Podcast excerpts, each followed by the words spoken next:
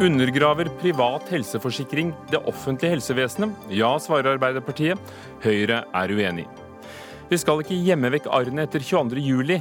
Under en skjortekrage, sier en som overlevde Utøya-massakren. Han ber politikerne få på plass et synlig minnesmerke i hovedstaden så snart som mulig, og møter Jan Tore Sanner til debatt.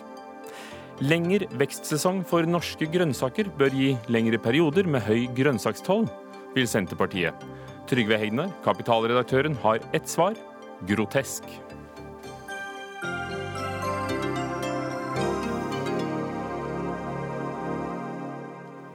Og briter frykter at EU-domstolen kan sette seg til doms over dem, noe Teresa May har lovet at den ikke skal kunne, etter andre runde i brexit-forhandlingene. Vi følger forviklingene her i Dagsnytt 18 med Hugo Fermariello. Velkommen. Over en halv million nordmenn har i dag privat helseforsikring. Tallet er tolv ganger høyere enn for ti år siden, skriver Aftenposten i dag.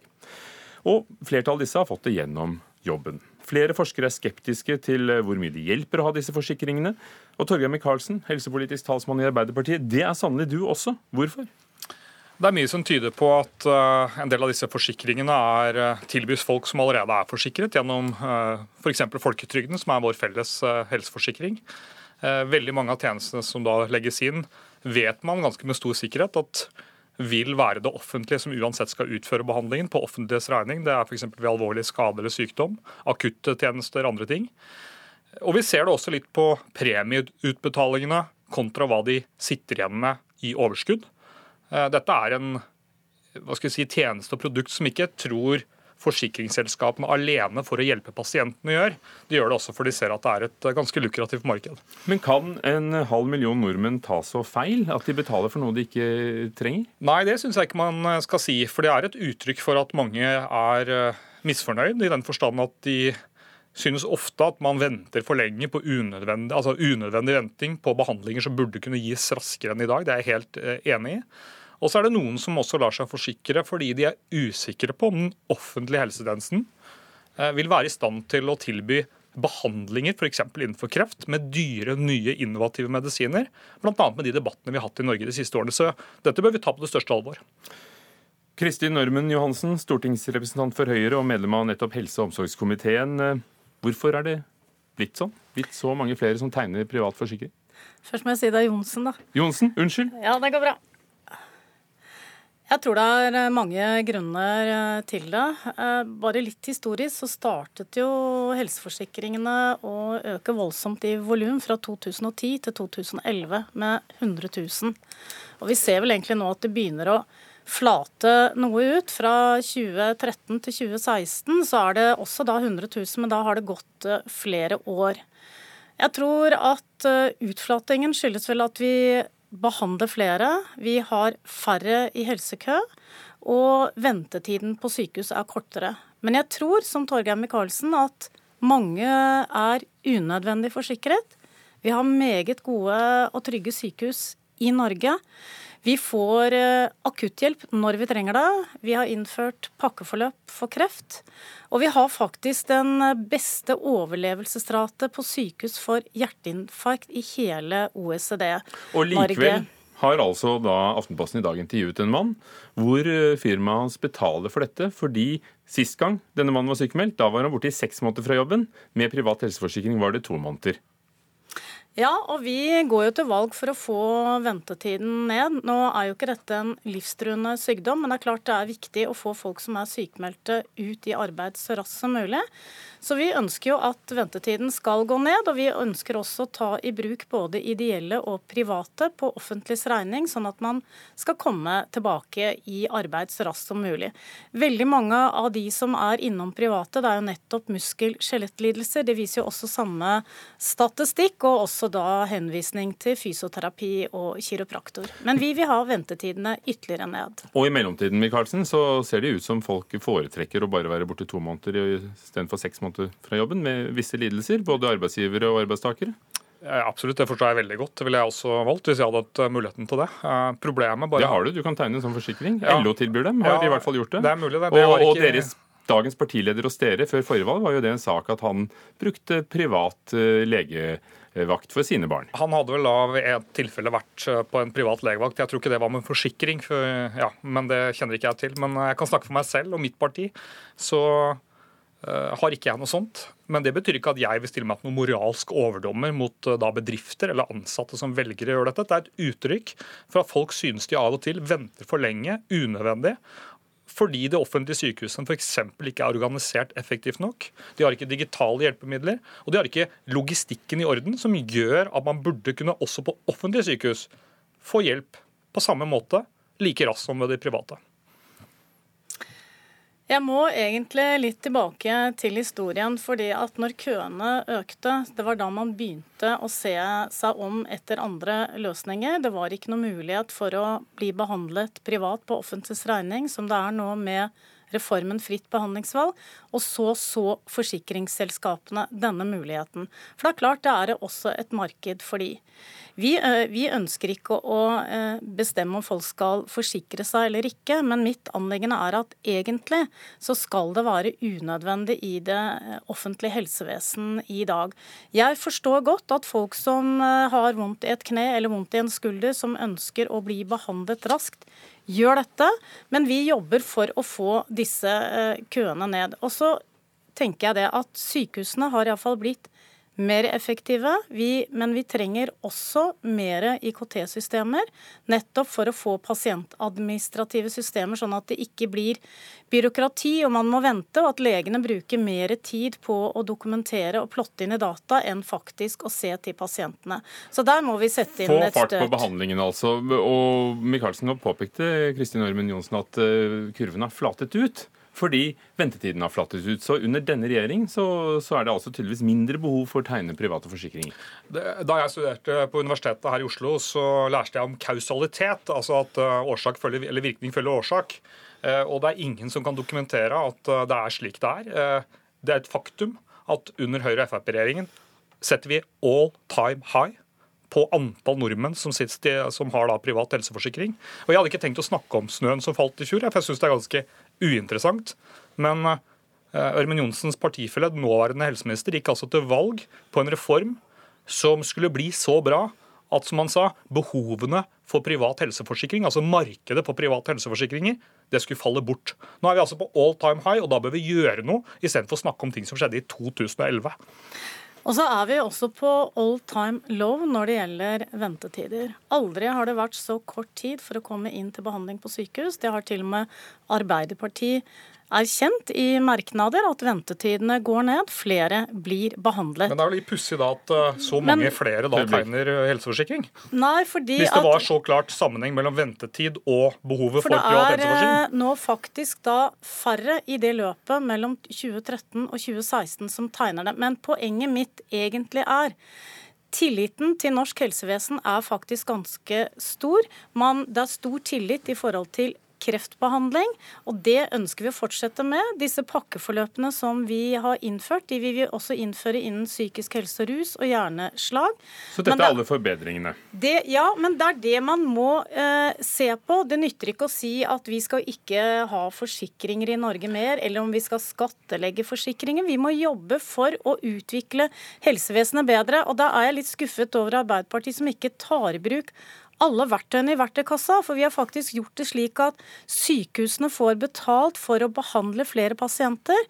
Vi har altså eh, styrt denne innsatsfinansieringen sånn at dess flere sykehusene behandler, dess mer penger får de. Det var noe som Arbeiderpartiet ikke ønsket å ta i bruk. Så det er jo mange verktøy som kan brukes, som jeg skjønner at nå dere vil reversere, bl.a. fritt behandlingsvalg. Som har behandlet da på fire år 2000 pasienter, mens de offentlige sykehusene har behandlet og utredet flere millioner pasienter. Ja, det er altså, fantastisk for de 2000 det er, pasientene. Det er, det er helt, helt Kanskje ikke nok mennesker er klar over men, det. Tøyen, jeg, Karlsen, hvordan, ja. hvordan, mener du at det at noen velger seg en privatforsikring, ja, noen en halv million mennesker, ganske mange i, i Norge, undergraver det offentlige helsevesenet. Tvert imot vil de ikke gjøre det lettere når de går til en spesialist som blir betalt av, av egen lomme eller av forsikringsselskapets lomme. Eh, I noen tilfeller vil det være riktig. Men eh, det eh, som private helseforsikringer bidrar til, det er at det er ikke en, altså en helt vanlig vare eller tjeneste.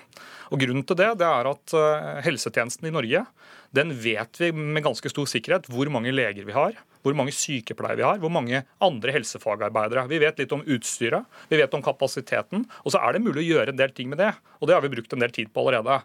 Men det vil uansett være slik at det er ikke slik at det er ubegrensa antall leger som kan se til de samme pasientene på samme tid. Derfor vil det være i enkelte tilfeller satt på spissen slik at en behandlet pasient gjennom en privat helseforsikring som går foran køen, vil gå på bekostning av pasienter som ikke har helseforsikring, som må stille seg i den offentlige køen. Og derfor er dette en... Men Vil du for, på noen måte forby eller lage snubletråder for Nei, privat forsikring? Det vil jeg ikke. Altså, er, vi lever i et fritt land, det må være mulig å gjøre det. Men jeg mener at vi skal se på i hvilken grad det offentlige indirekte hjelper disse private helseforsikringsselskapene. Fordi du må bl.a. gå til fastlegen din, som igjen må henvise videre når du skal bruke privat helseforsikring. Fastlege forteller til meg at de må bruke mye tid på å skrive attester på sykdommer som da skal brukes da etter oppgjør med private helseforsikringer. Dette er ikke rimelig at det bør være i samme grad som i dag. Og det bidrar til alt annet likt at prisene er for lave på de tjenestene som tilbys. er det noe ved det, det private supplementet som nettopp da undergraver det offentlige? Jeg ønsker ikke at vi skal ha større andel av private helseforsikring enn det vi har i dag. Det er faktisk sånn at det er ganske mange som ikke bruker det, som føler seg mest trygg på det offentlige sykehus. Vi skal ha et sterkt offentlig helsevesen. Private skal være et supplement. I dag er det rundt 8% av de som blir behandlet, blir behandlet på det private. Det er ikke så veldig mange. Vi skal ha det som et supplement, men det skal ikke være et hovedalternativ. Vi går til valg for å få køene ned. Det har vi faktisk vist at vi kan klare. Og det, er derfor vi må sitte i fire nye år for å få dette til. Ok, takk skal dere ha. Kristin Ørmen Johnsen fra Høyre og medlem av helsekomiteen, og Torgeir Micaelsen fra Arbeiderpartiet. Ivar Martinsen, du er konserndirektør i If skadeforsikring og en av de store aktørene som satser på nettopp behandlingsforsikring. Er det sånn at dere dytter dette på vanlige folk? Eh, nei, det er det jo ikke. Det, det, er viktig å rydde litt i diskusjonen.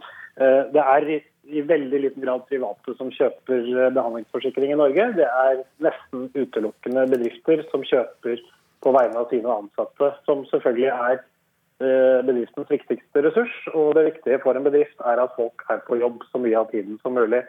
Og Det er bakgrunnen for veksten vi har sett i, eh, i privat behandlingsforsikring. At at bedriftene vil ha rask utredning og rask behandling av sine ansatte når det skjer noe med det. Vi hørte politikeren fra Høyre som sier at eh, hun ikke ønsket seg noe flere eh, i, private, i private ordninger, men, men, det gjør vel dere? Hva er det dere tilbyr som da det offentlige ikke tilbyr? For det første har vi jo et, et, flott offentlig helsetilbud i Norge, og det kommer vi til å ha videre. Og det skal vi ha, og det støtter også vi oppunder. Eh, det vi gjør er vel i hovedsak to ting. Det ene er å sikre at vi tar ansvaret for og betaler for den behandlingen som den enkelte trenger, og at det skjer raskt. Det andre som kanskje er minst like viktig, er at når man får kontakt med forsikringsselskapet og har en slik forsikring, så blir man fulgt og holdt i hånden gjennom hele behandlingsløpet av en person som sørger for at du ikke trenger å gjøre noe annet enn å stille opp der du skal på, på rett tid, og så, og så, skjer behandlingen og også oppfølgingen i ettertid. Og det, akkurat det siste skiller nok kanskje dette private tilbudet noe fra det vi ofte erfarer i det, i det offentlige. Og så var det påstanden fra Arbeiderpartiets mann her at private leger legger beslag på mye kapasitet det er allmennlegene, de offentlig støttede allmennlegene, fastlegene, som er med på å skrive lange rapporter og henvisninger, som også er med på å gjøre at alt dette undergraver det offentliges tilbud. Hva sier du til det? Ja, For det første så er det jo slik at det må en henvisning fra en allmennlege til for å sette i gang et spesialisttilbud. Men, men vi, vi, ser også det poenget, og har jo nå også lagt inn iallfall i, i, i og i Vertikal sitt, eh, sitt tilbud på, på, slike forsikringer at man også har en digital legetjeneste, hvor man også kan ha videokonsultasjoner med en allmennlege og få løst dette henvisningsspørsmålet mye raskere og mer effektivt. Også uten at den ansatte trenger å forlate kanskje være borte en halv dag fra jobben for å gå til fastlegen for å, for å få, få, denne henvisningen. Så, så her, disse tilbudene dette, det utvikler seg hele tiden og blir stadig mer effektivt og mer på den ansattes premisser, og ikke så mye på, på, på, på behandlendes uh, premisser. Hvor, hvor, høyt til slutt Ivar Martinsen, regner du med at dette markedet vil, vil vokse i deres anslag? Det er det veldig vanskelig å si. Jeg tror det har veldig mye med kvaliteten på det offentlige tilbudet, hvordan det utvikler seg å gjøre. Jo bedre det offentlige tilbudet er, jo mindre vekst vil det bli i det, i det private behandlingsforsikringsmarkedet. Men uh, det skulle overraske meg om vi har nådd toppen. og Sammenligner vi med land som Sverige og Danmark, så er jo andelen som har denne type forsikring vesentlig høyere enn det er i, i Norge i dag. Mm. Takk skal du ha, Ivar Martinsen, konserndirektør i If skadeforsikring. Dagsnytt 18 alle hverdager kl 18.00 på NRK P2 og NRK2.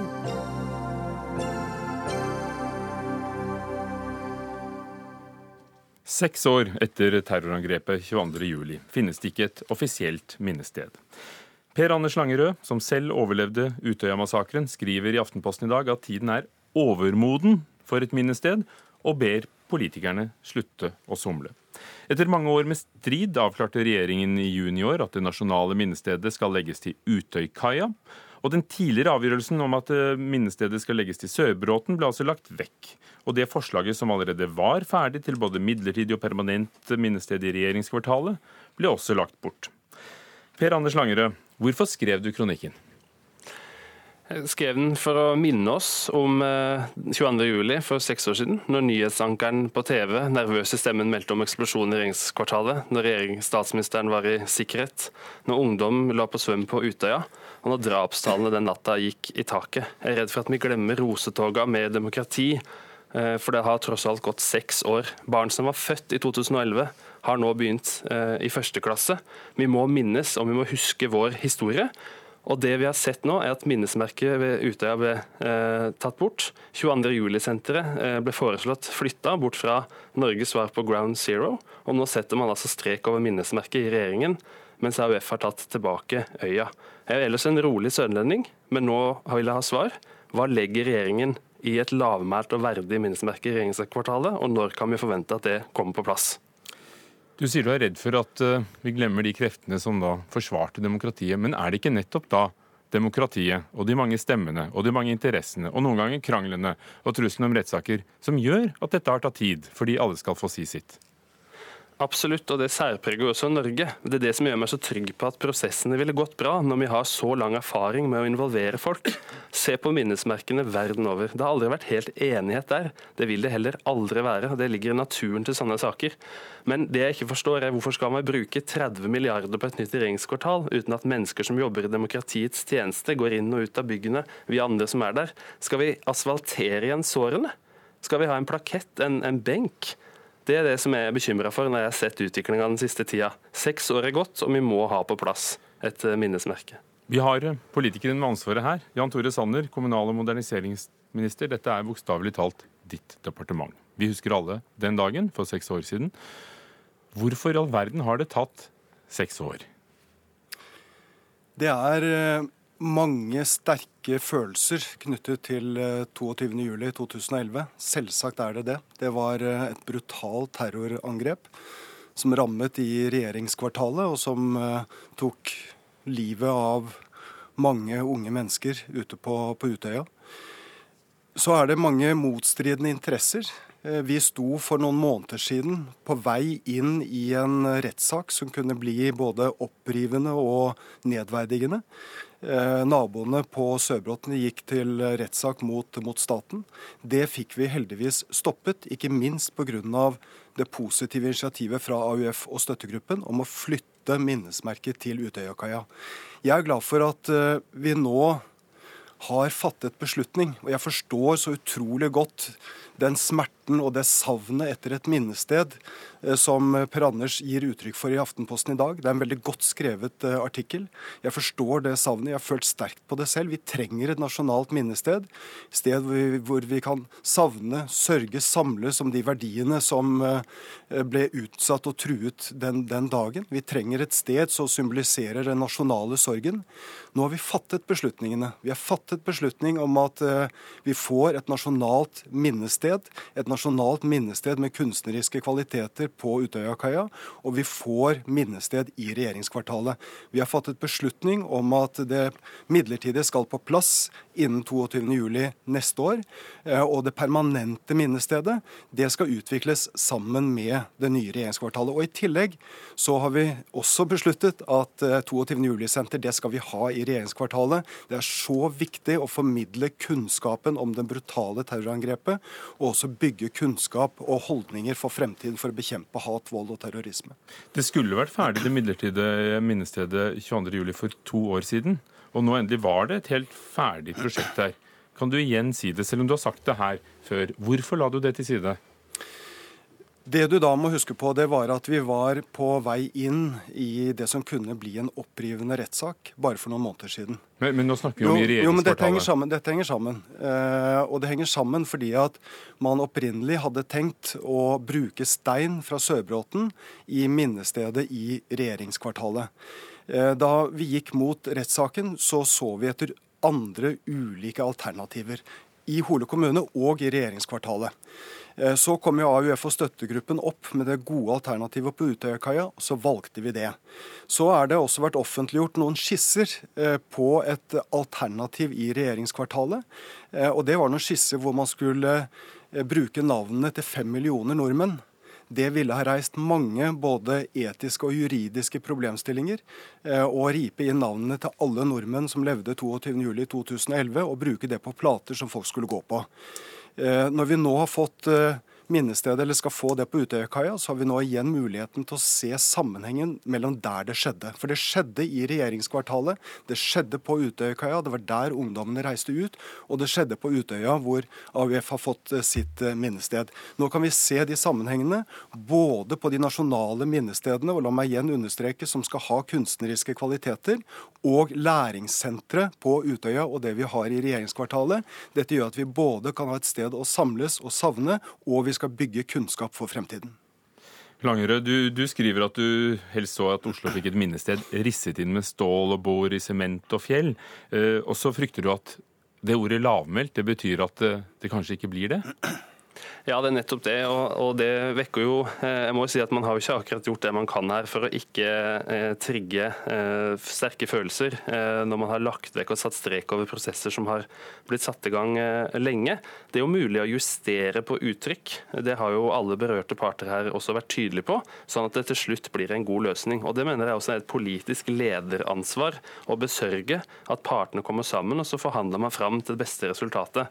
At det er vanskelig, det er alle enige om. Men vi står altså nå seks år etter og risikerer at mye av hukommelsen eh, går tapt fordi det ikke er på plass et minnesmerke i Oslo. Men, så jeg spør at, igjen, jeg har lyst til å stille et spørsmål igjen. og det, jeg, synes jeg, jeg forstår alle disse andre tingene, men hva legger man i lavmælt og verdig?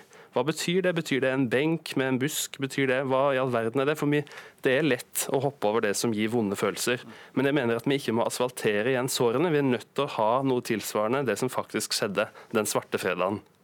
Det er jeg helt enig med deg i. Eh, og jeg kjenner meg veldig godt igjen i det du skriver i artikkelen i dag. Og bruk av ord kan ofte gi gale assosiasjoner. Jeg skjønner det eh, når man sier lavmælt, at det kan gi en gal assosiasjon. Fordi at det som skjedde var så brutalt. Eh, det var så umenneskelig, og det har dannet dype sår i det norske samfunn og i mange, mange mennesker. Vi skal ha et, eh, et, nasjonalt eh, minnested som også kan være, symbolisere den nasjonale sorgen. Og Det er derfor jeg understreker at selvsagt skal det være kunstneriske kvaliteter, eh, men vi har ikke ønsket nå en stor ny kunstkonkurranse. Det skal utformes i samarbeid med kunstfaglig kompetanse. Men kan ordene du velger, som den som har besluttet dette, sende de signalene som gjør at det det kanskje blir en benk med en busk ved siden av? Det blir ikke noe benk med en busk ved siden av. Eh, tvert imot eh, så skal vi eh, trekke inn de berørte også i den videre prosessen, som vi har gjort så langt. Alle beslutningene som vi har tatt, har vært i dialog med AUF og med støttegruppen, med partilederne på, på Stortinget. Nå er beslutningene tatt, og det er jeg så lettet og glad for. Nå skal minnesmerkene, de nasjonale minnesmerkene realiseres, og vi får også styrket samarbeidet mellom 22. juli juli i regjeringskvartalet og læringssenteret til AUF. Da bygger vi kunnskap for fremtiden. Langerød, du, du, har jo selv politisk bakgrunn som eh, AUF-er. og Hva bør Sanner foreta seg nå, da? Nei, det, det, er Sanner som er statsråd, så det, det tror jeg statsråden selv, selv, har kunnskap om. Men det viktigste for meg det er at eh, statsråden og regjeringen nå forsikrer meg og oss om at hovedstaden nå skal få et synlig, tydelig og kunstnerisk utformet minnesmerke i hovedstaden vår, eh, som vil være med på å lære folk om eh, den fredagen, og om de heltene som gikk tapt, om hvem de var, om dådsgjerningen i ettertid og, og alt det. Det er det viktigste for meg nå at den forsikringen kommer. Føler du har fått noen forsikringer av Sanner? I dag? Jeg føler at eh, jeg her møter en, en engasjert eh, statsråd som, eh, som ønsker å, å, å, starte og fullføre disse prosessene. Men det er jo litt sånn som man har sett de siste seks årene. Det har ikke kommet på plass noe. Jeg hører at man har positive intensjoner, så jeg kan jo ikke gjøre annet enn å, enn å stole på det. Men jeg ser meg nødt til innimellom å minne om alvoret, minne om hva som faktisk skjedde, og at seks år er ganske lang tid, og den menneskelige hukommelsen er kort. Vi trenger et minnesmerke så fort som mulig. Takk skal du ha, Per Anders Langerød, som skrev om dette i Aftenposten i dag, og Jan Tore Sanner, statsråd.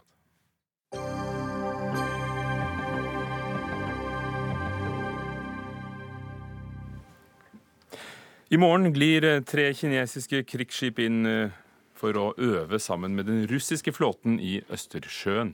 Det er første gang de to landene har en felles øvelse i eh, dette området, midt i Norden. Et eh, forsvarssamarbeid mellom de to stormaktene skaper bekymring i landene rundt Østersjøen. Og Morten Jentoft, eh, du befinner deg i Moskva. Du kommer rett fra Finland i dag morges. Eh, ja, hva er reaksjonene? Reaksjonen er at uh, denne øvelsen den vekker, vekker, betydelig oppsikt. Jeg hørte flere diskusjonsprogrammer uh, om dette på uh, finsk radio nå de siste dagene. Avisene skriver om disse. Dette, dette er en helt tydelig maktdemonstrasjon fra Russland og Kina. Kanskje ikke først og fremst rettet mot landene rundt Østersjøen, men som en markering da, mot det som begge landene ser på sin hovedmotstander nå bruker man jo igjen ordet fiende, eh, USA, som jo eh, har en eh, økt militær aktivitet også i dette området. De siste dagene har jo Patriot-missilbatterier fra USA vært i Litauen, den tidligere Sovjetrepublikken. Dette vekker selvfølgelig også reaksjoner i Russland. Sånn at det er en militær oppbygging fra begge, begge sider her som nok er med på å øke spenningsnivået i dette området. Og det er selvfølgelig vårt østlige naboland Finland bekymret for. Tor Bukkvold, seniorforsker ved Forsvarets forskningsinstitutt og med et øye spesielt på russisk sikkerhetspolitikk. Hvorfor har russerne og kineserne gått sammen om å øve der, rett utenfor eh, Østersjøen og, Finland og de baltiske landene og Sverige? Ja, for det første må vi si at eh, militære styrker øver. Det er det de driver på med når det ikke er krig. så det Formålet med militære øvelser er å øve. Det... Men, men, de velger sine områder uh, ikke uten baktanke. Neste del av den øvelsen i september skal foregå utenfor Japan. Ja da, så det er riktig. Og denne øvelsen her er jo et, en, inn i en lang rekke med øvelser som har faktisk har mer og mye samme navn, som har foregått helt siden 2012 i et samarbeid mellom Russland og Kina. Eh, og i fjor, f.eks. i september i fjor, så øva Russland sammen med Kina i Sør-Kina-havet. Så det er i en lang rekke, og det er nok riktig å se på det her fra kinesisk side, i hvert fall som at Eh, ettersom Russland stilte opp for eh, Kina i Sør-Kina-havet i fjor, så er det naturlig at eh, Kina stiller opp for Russland i havområder som Russland ser som spesielt interessant for seg. Men så har jo også Nato flyttet tropper stadig nærmere den russiske grensen. Er det er det et svar på det? Ja, det tror jeg nok at det er. Og fordi at, nå er jo Østersjøflåten er den det er vel den minste av de russiske flåtene, og det er ikke den som er, har størst prioritet innenfor det russiske forsvaret, eller innenfor det russiske sjøforsvaret. Men i og med at de baltiske landene har blitt medlemmer i Nato, så er det klart at Østersjøen har, har noe større betydning enn det hadde før det. Eh, og Derfor er man mer opptatt av å øve der nå enn, enn man kanskje var tidligere. Morten Jentoft, kan vi se denne øvelsen og at kineserne blir invitert med med tre marinefartøy som, som en liten kommentar til naboforholdet med de baltiske landene? Det er nok veldig viktig for russerne å vise at de har et tett militært samarbeid med Kina. Og igjen, her er det USA med USAs forlengede av Nato som er da hovedmålet eh, si, for denne markeringen her. Eh, men det er jo selvfølgelig interessant at Kina nå da velger å øve så langt vekk fra hjemlandet. Det har de aldri gjort før. Og det at det skjer i et område som Torbukvold sa er svært svært følsomt for Russland akkurat nå.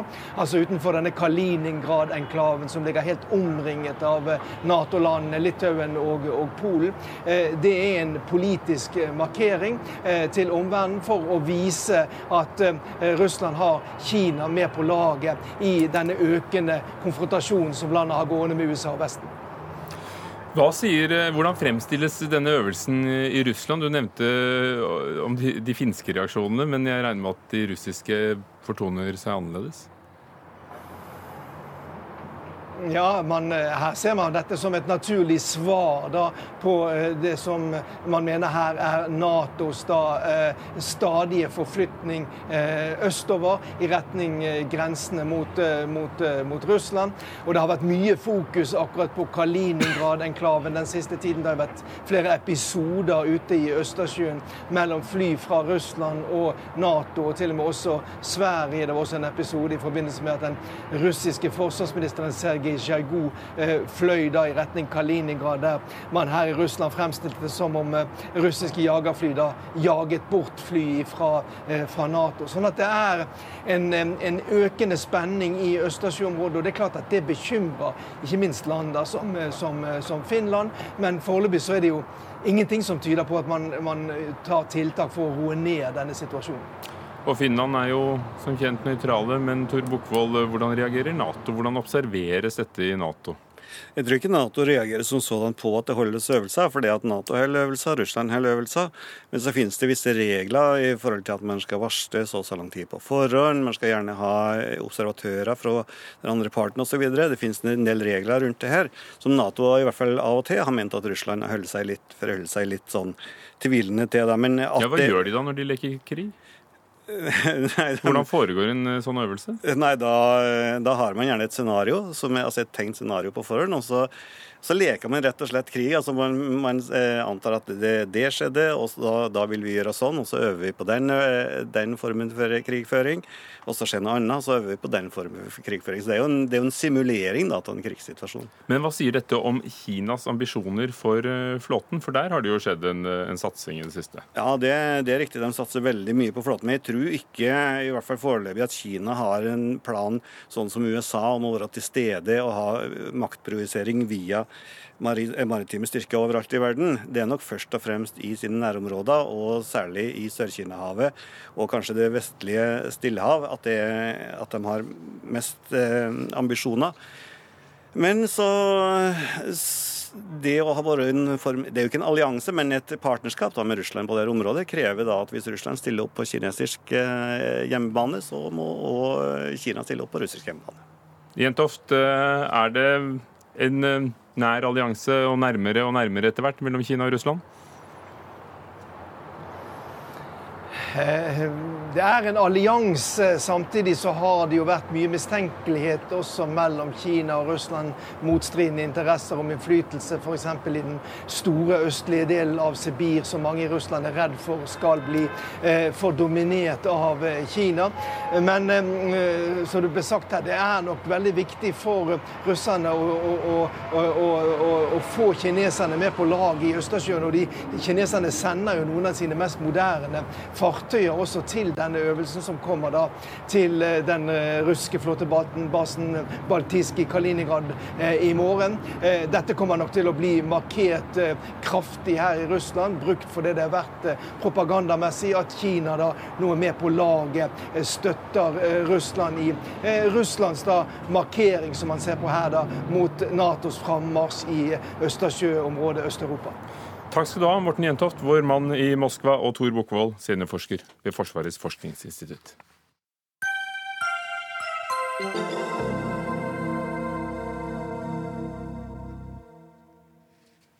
En syv år gammel jente ble hentet ut av kirkeasyl i Spjelkavik. Og vi kan ikke heve oss over loven, sier biskopen. Hvem er jeg til å bestemme hvem kirkedøra stenges for, spør menighetsrådslederen, og dette skal vi diskutere senere i Dagsnytt 18. Nå skal vi ha dagens agurksak. Nye produksjonsmetoder har utvidet sesongen for norske grønnsaker, og det bør føre til at perioden med høy tollbeskyttelse av norske grønnsaker utvides like lenge, mener Senterpartiet.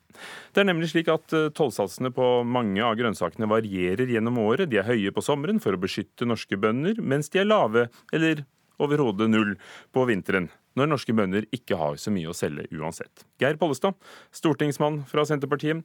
Er virkelig sesongen for norske grønnsaker blitt så mye lenger at det rettferdiggjør at vi skal revidere alle tollsatsene? Ja, For oss handler dette om eh, norske eh, arbeidsplasser. Det handler om å øke norsk eh, matproduksjon.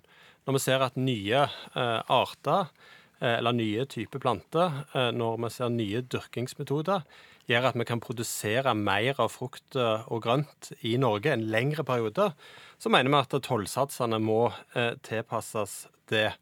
Jeg tror at norske forbrukere ønsker norske grønnsaker, og jeg tror at norske bønder er i stand til å produsere det.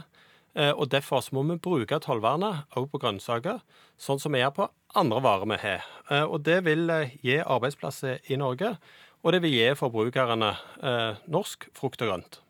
Men du sier til Nasjonen at det er sånn at sesongen allerede er forlenget, at agurker og tomater dyrkes hele året, ikke sant? Det stemmer. Men, det betyr jo da at det lønner seg selv når det ikke er toll på de varene fra utlandet? Jo, men det er et potensial til å ta ut et enda større eh, volum bidra til at flere eh, bønder kan produsere lengre, men også bidra til arbeidsplasser i næringsmiddelindustrien.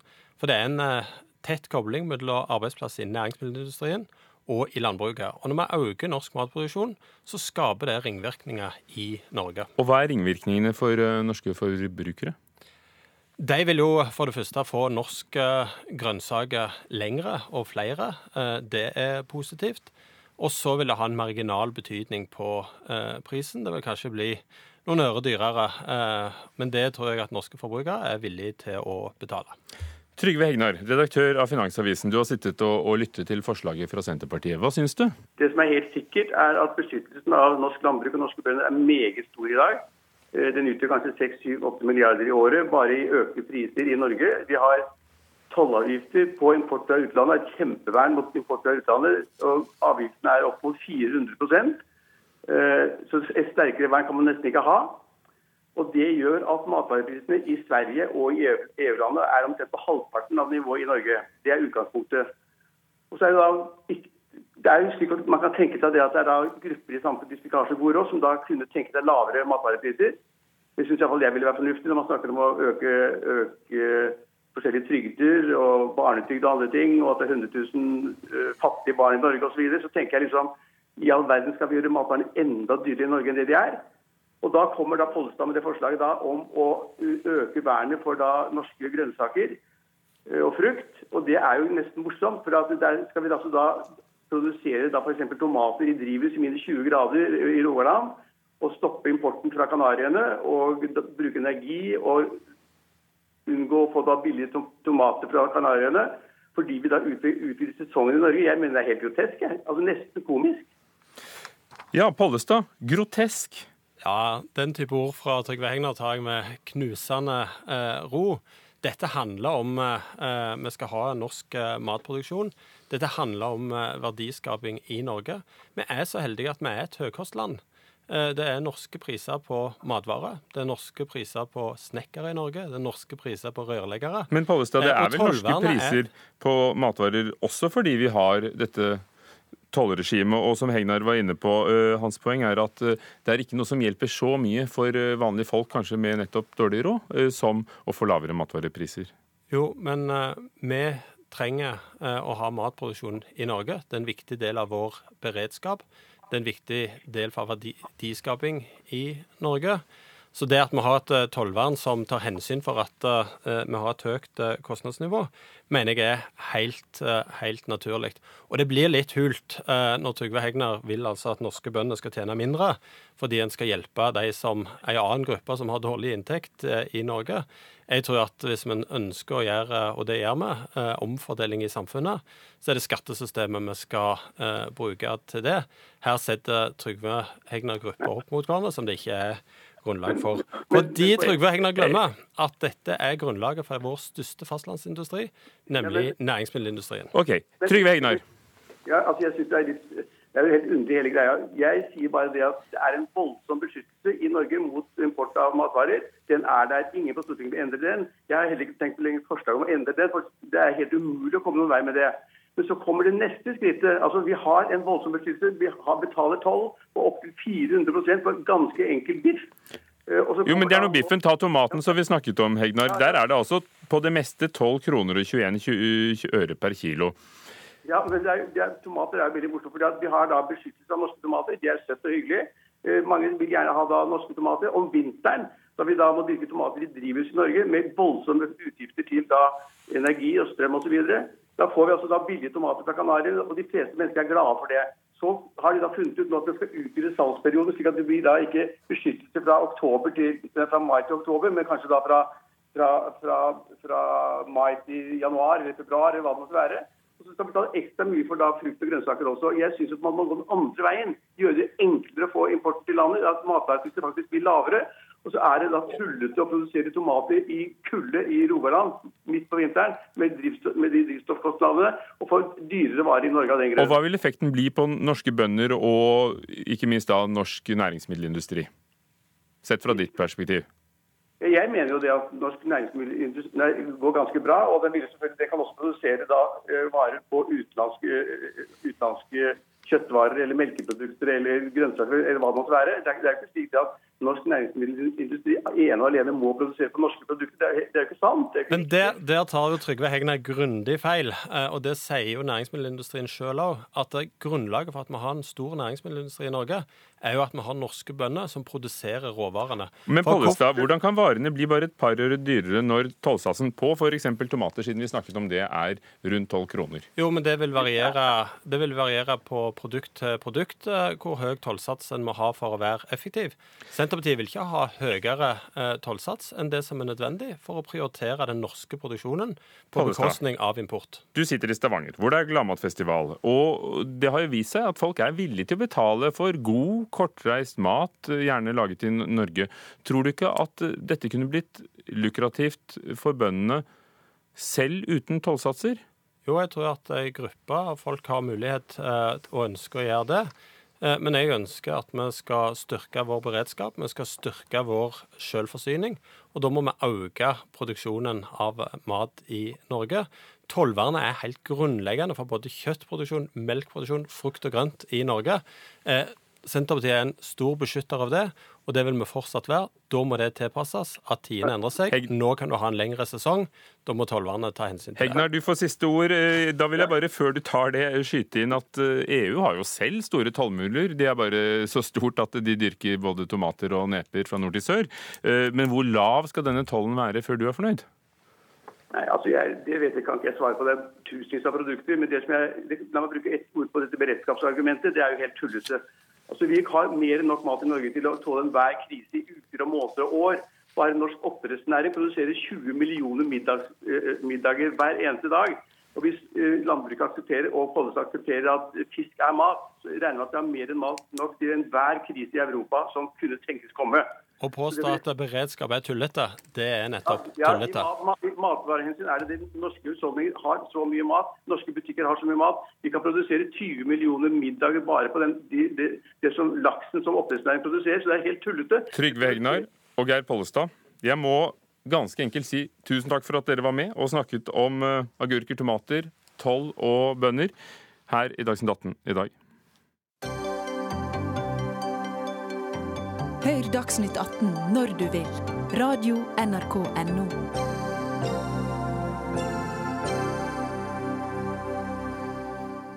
EU-domstolen, grensen mellom Irland og Storbritannia, og prisen for å forlate unionen for eh, engelskmennene. Dette er de store spørsmålene som EUs forhandler eh, Michel Barnier og britenes David Davis har tatt fatt på i andre runde av forhandlingene om brexit. Espen Aas, London-korrespondent, hva har vært de heteste temaene i dag da de kom ut av av forhandlingslokalene?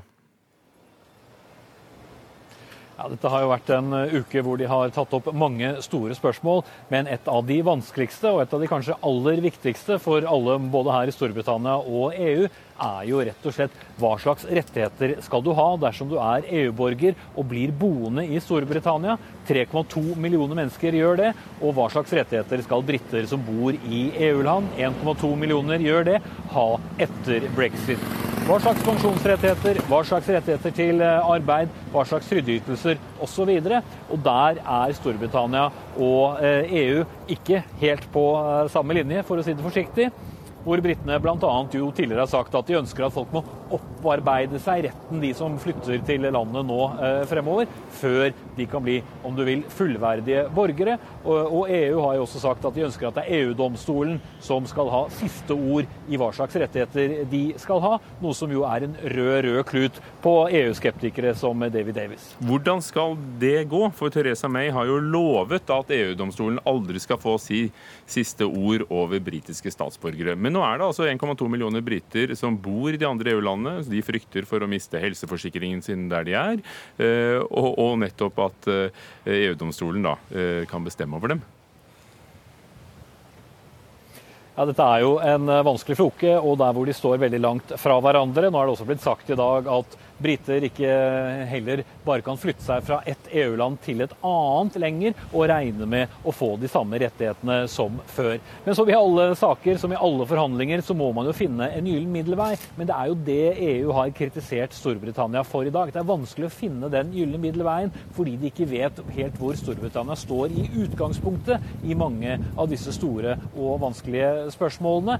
Britene synes jo selv at forslaget om en overgangsordning, at folk som har bodd her de siste fem årene vil ha automatisk samme rettigheter som eh, briter, og at de som kommer etter må opparbeide seg til dem, er en god løsning. Men folk som baserer seg på utenlandsk arbeidskraft eh, her, syns er en dårlig løsning, fordi de er redd for at det er vanskelig å få frisk eh, arbeidskraft til Storbritannia etter brexit. Pål Frisvold, EU-rådgiver vanligvis med base i Brussel, men i Oslo akkurat nå, og forfatter av boken 'Mot Europa', som kom for et par år siden på norsk, og faktisk på fransk i disse dager. Ja, hva sier de sett fra Brussel, alle dem du jobber med? I dag så sier vel de fleste at dette har vært eh, på en måte en sånn feel good-runde. Altså Forrige eh, forhandlingsrunde, da organiserte man eh, hvordan disse forhandlingene skulle foregå. Og nå var det første gang man kom inn på selve substansen. Og der er de fleste ganske lettet over at man har nå i hvert fall blitt enige om f.eks. at britene skal også delta i, og, og, i den økonomiske løsningen. Eh, slik at de er enige om at de vil bidra. De er enige om at man skal diskutere detaljene for dette som Espen Aas har snakket om, nemlig borgernes rettigheter. Så dette har vært en, en god start. Hva har EU å, å, gi i en forhandling, hvis de skal eh, nærme seg? Hvor kan de eh, slakke opp litt? Ja, Det er et godt spørsmål. fordi at dette vi ser nå, det er jo en posisjonering av forhandlingsposisjoner til begge parter. Og så skal det også gå 20 måneder. Det skal være til høsten forhandlinger hver annen uke. Slik at uh, her er det helt klart at det kommer til å bli en sklidning mot sentrum. Og begge må gi og ta. Eh, interessant nok så nevnte jo Barnier, altså EUs sjefsforhandler, under pressekonferansen i dag at når det gjelder denne, denne domstolsproblematikken, så henviste han da til Norge og EØS-avtalen, som har da en, en egen domstol som riktignok baserer sin juridiske tolkning på EU-retten, men i hvert fall har våre egne dommere.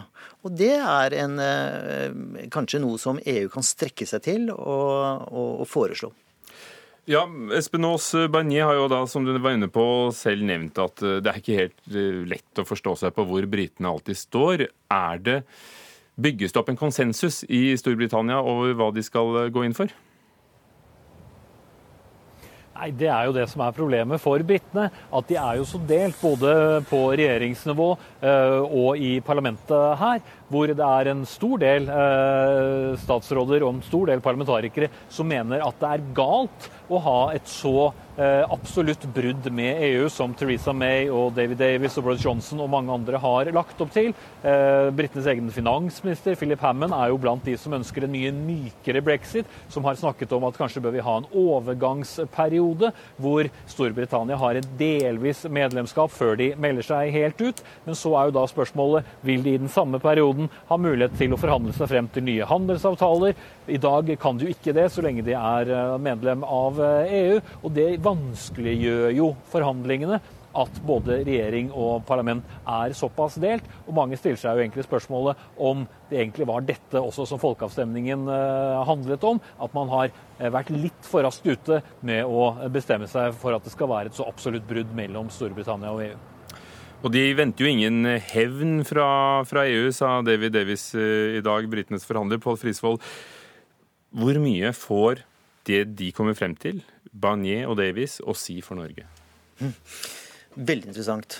Fordi eh, det de kommer frem til, har jo vi et håp om at det er en løsning som vi også kan utnytte. Som vi kan kopiere.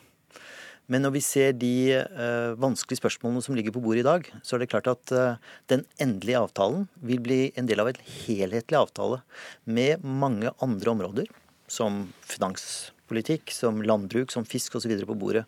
Og da er det ikke sikkert at eh, det blir like enkelt for oss å bare kopiere den avtalen. Mm. Hvor mye kan vi håpe på å få, få til? Ja, altså, vi, har, vi er i et dilemma, vi. Fordi at uh, vi har ikke anledning til å begynne å forhandle med britene om vårt forhold til Storbritannia den dagen de forlater EU. For da forlater de også EØS. Da har vi ingen rettigheter. Nordmenn har ingen rettigheter i Storbritannia. Eh, norske bedrifter, eh, studenter, pensjonister, eh, pasienter på sykehuset osv. Vi har det ikke verre enn før EØS-avtalen i 1993. Vi, vi hadde jo mye samkvem og sendte julegran hvert år lenge før EØS. Vi sendte julegran, absolutt, men vi hadde ingen rettigheter. Men vi skal huske på at EØS er et felles gjensidig eh, rettssystem som gir oss rettslige krav eh, som vi mister. Ikke sant? Eh, og det er, uh, det er, faktisk ganske alvorlig at vi ikke ser noen som helst henvisning til EØS eller Norge i noen av disse dokumentene. Fordi vi må skynde oss den dagen britene og EU er ferdig, altså 30.11.2018. Ja, så, så har vi seks måneder til å bli enige om hvordan vi skal gjøre dette her. Og det kan bli en stor utfordring. Takk skal dere ha, begge to. Pål Frisvold, EU-rådgiver i Brussel og i Oslo nå. Og Espen Aas, vår mann i London.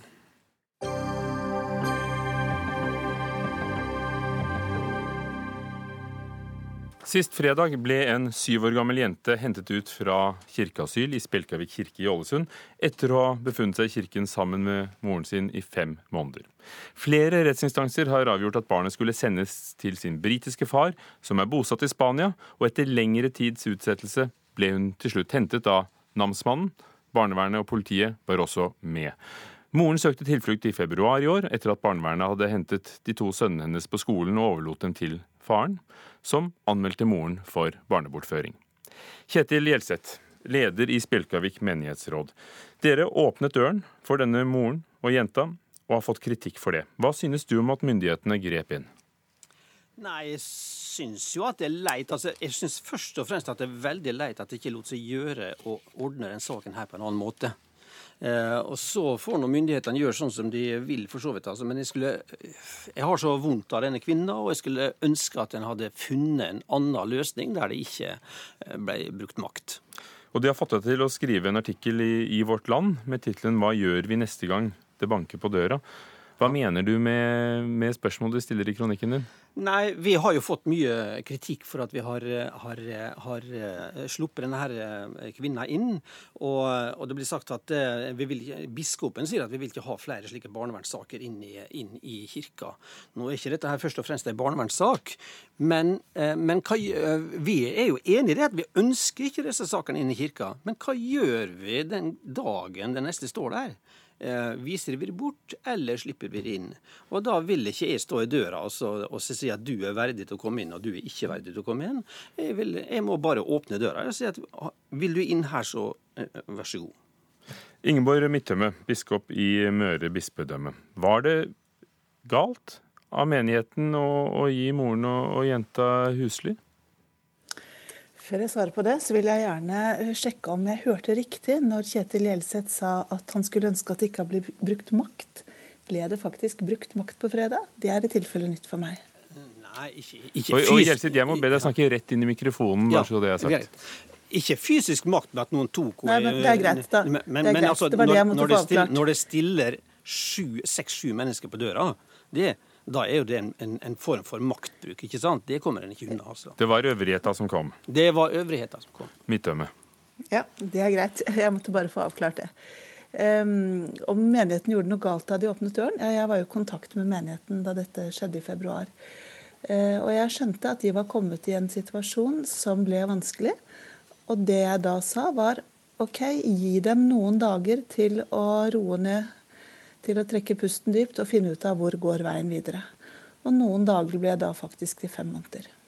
I 1993 så uttalte bispedømmet i kirke at kirkerommet det er et hellig sted som gir mennesker som søker tilflukt der, beskyttelse mot myndigheters utøvelse av makt. Og Politiet har også hatt en instruks, og har en instruks om ikke gå inn. Men hvem skal det gjelde for? Det rundskrivet og den eh, referansen til det å gi ly, det er knyttet til FNs flyktningkonvensjon av 1951. Hvor det handler om å gi beskyttelse til dem som kommer og søker beskyttelse i vårt land. Når det er fare for å bli utsatt for dødsstraff, tortur eller annen umenneskelig eller nedverdigende behandling eller straff når de blir sendt ut av landet sitt. Så det var bakgrunnen for det rundskrivet og den saken du der viser til. Og det er en helt annen sak enn det dette dreide seg om. Så på svaret ditt om hvem skal dette eh, asylinstituttet eh, inkludere, så mener jeg det samme som eh, Kirken mente den gangen. Og det er at det er mennesker som eh, søker eh, tilflukt her i fare for sitt liv og i redsel for å bli torturert eller drept hvis de blir sendt tilbake igjen. Jeg mener jo Det at den, det som ble sitert her fra den innstillinga, gir uttrykk for et prinsipp som går ut over akkurat den innvandrings- og flyktningeproblematikken som var oppe den gangen. For det er jo fra de sakene vi først og fremst kjenner bruken av kirkeasyl ja, da, i Norge? det er det. Og, det, og vi, altså, vi, hadde jo ikke tenkt oss at dette her skulle opptre på noen annen måte, men plutselig så står du der med en utfordring i fanget. Og vi syntes oppriktig synd på denne dama og slapp henne inn. Og vi sa da to ting til henne, i tillegg til at vi slapp henne inn.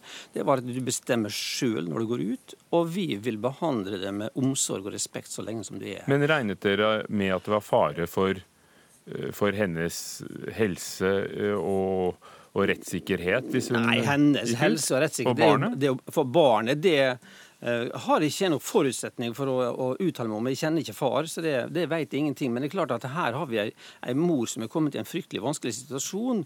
To av barna er tatt fra henne. Far har tatt dem med seg til Spania.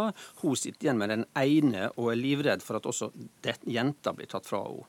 Og da tenkte vi at det eh, Hvilket hensyn tok dere overfor faren i denne saken? Ja, det har vi for så vidt ikke gjort. Men nå hadde jo far da iallfall to av barna med seg. Og det som vi ville gjøre her, var å gi denne kvinna tid til å områ seg og kanskje komme fram til ei ordning. Og vi håpte jo kanskje at det kunne bli noe kommunikasjon mellom foreldre her, og at de kunne finne fram til en minnelig ordning. Og vi foreslo f.eks. For at det kanskje kunne de ta en timeout ut 19, nei, 2017, og så bruke tida til å arbeide med denne saken, og at dattera var her i Norge med mor, og guttene var der nede med far. Men, men det har vært vanskelig å få til da. Og vi har jo også vært bekymra for at det gikk så lang tid. Det er klart at vi synes av, av hensyn til, det, til, Ingeborg, til jenta her. Ingeborg Midtømme, vi kan ikke sette oss over norsk lov, sa du til Vårt Land i dag. Er det ikke det som skjer også når det er snakk om saker som gjelder oppholdstillatelse? Nei, eh, jeg mener at det er en vesensforskjell. Fordi denne saken som det nå er henvist til i Spjelkavik, den handlet om at uh, alle norske rettsinstanser har kommet til samme konklusjon. Uh, og da har ikke vi noen mulighet til å sette oss utover det. Når det gjelder asylsøkere som har søkt tilflukt i kirker, så har det vært mennesker som ikke har fått prøvd sin sak for domstolene, og som har fått avslag av UDI, kanskje av UNE, men som blir sendt ut av landet før saken deres er endelig rettslig behandlet i de muligheter som finnes. Takk skal dere ha for at dere var med og diskuterte kirkeasyl. Ingeborg Midtømme, biskop, og Kjetil Gjelseth, leder i menighetsrådet i Spjelkavik. Gjermund Jappé var ansvarlig for Dagsnytt 18. Erik Sandbråten for det tekniske, Ugo Fermariello for programledelsen. Takk for i dag.